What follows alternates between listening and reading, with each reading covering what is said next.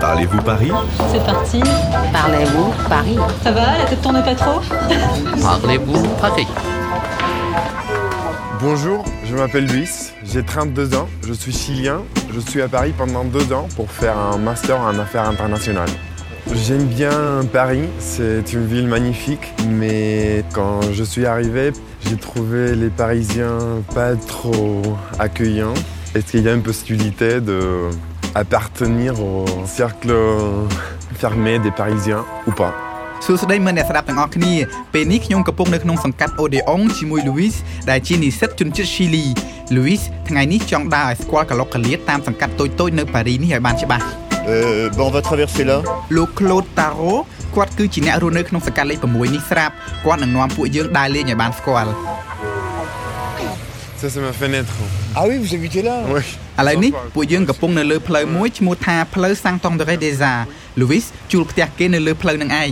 Vous, vous faites vos cours euh, où Alors mes courses, ben, je les fais, oui, en partie dans le quartier. Mais ce quartier, dans les euh, 30 dernières années, a beaucoup évolué. Donc les commerçants sont de plus en plus devenus des commerçants de luxe. Mais ici, rue de Bussy, autrefois, il y avait beaucoup de commerçants. Il y en a un peu moins. Vous voyez ici, il y a euh, charcuterie, euh, boulangerie, euh, marchand de gâteaux. Alors on trouve encore des commerces euh, traditionnels dans le marché Saint-Germain qui a été reconstruit il n'y a pas très longtemps. Et si vous voulez, on va pouvoir y aller. Comme ça, vous verrez un autre aspect du quartier. គាត់ថាម្ដុំនេះឥឡូវអត់សូវមានហាងទំនិញលក់របស់ញ៉ាំកាប៉េកប៉ុកទេគឺសបោតែហាងទំនិញលក់របស់ ថ្លៃថ្លៃប៉ុន្តែ Claude គាត់ថានឹងនាំពួកយើងទៅផ្សារមួយទៀតនៅក្បែរនឹងដែរគឺ Marché Saint-Germain Là, on est dans le marché Saint-Germain. Bonjour.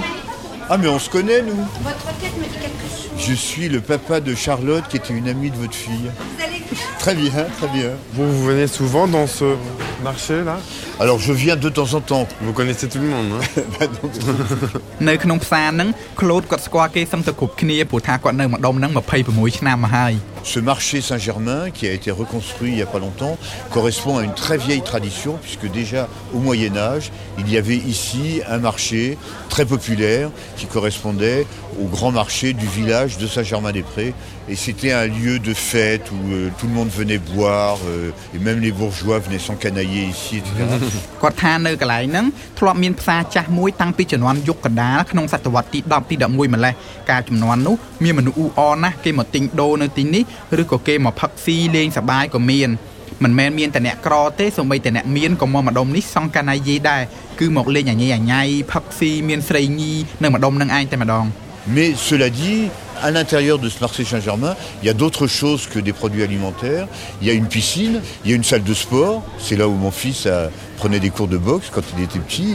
Il y a une salle de spectacle euh, et les enfants des écoles viennent faire des spectacles à la fin de l'année dans cette salle. Donc ça reste un endroit qui correspond quand même à la vie de quartier. នៅក្នុងផ្សារនេះឥឡូវមិនមែនមានតែហាងលក់អីវ៉ាន់ទេតែមានទាំងកន្លែងគេមកមើលសិល្បៈ une salle de spectacle និងកន្លែងគេហាត់កីឡា des salles de sport សម្រាប់ក្មេងៗដែលមករៀននៅសាលាម្ដុំហ្នឹង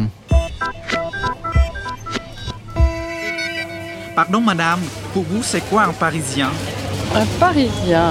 je pense qu'il a la conscience qu'il habite dans un endroit exceptionnel. Il est assez chauvin, je pense.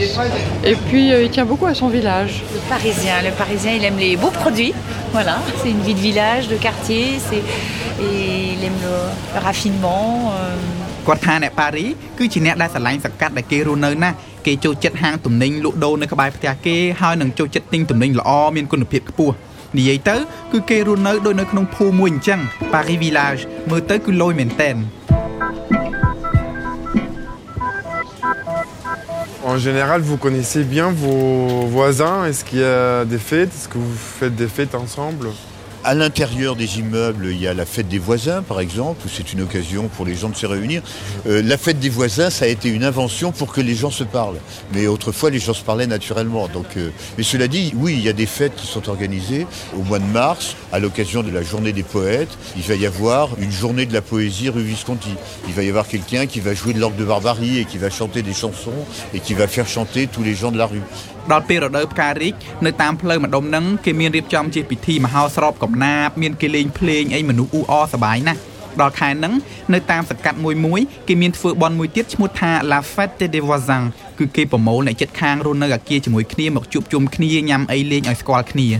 En réalité, ce quartier, il vit beaucoup maintenant le samedi soir, le vendredi soir. C'est pas tout à fait le quartier latin, mais c'est à côté du quartier latin. Donc il y a beaucoup d'étudiants qui viennent, il y a beaucoup de gens qui viennent en touriste dans le quartier Saint-Germain-des-Prés parce que c'est traditionnellement un quartier qui est sympathique, qui est beau, euh, où il y a beaucoup d'animation. euh, donc il y a plein d'occasions de rencontres pour vous.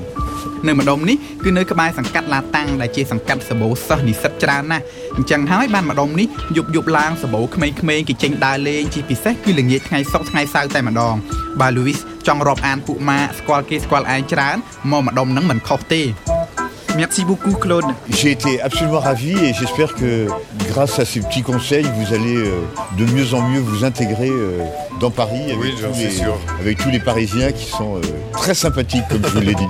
Je vous remercie. Allez, au revoir. Au revoir, merci. Au revoir.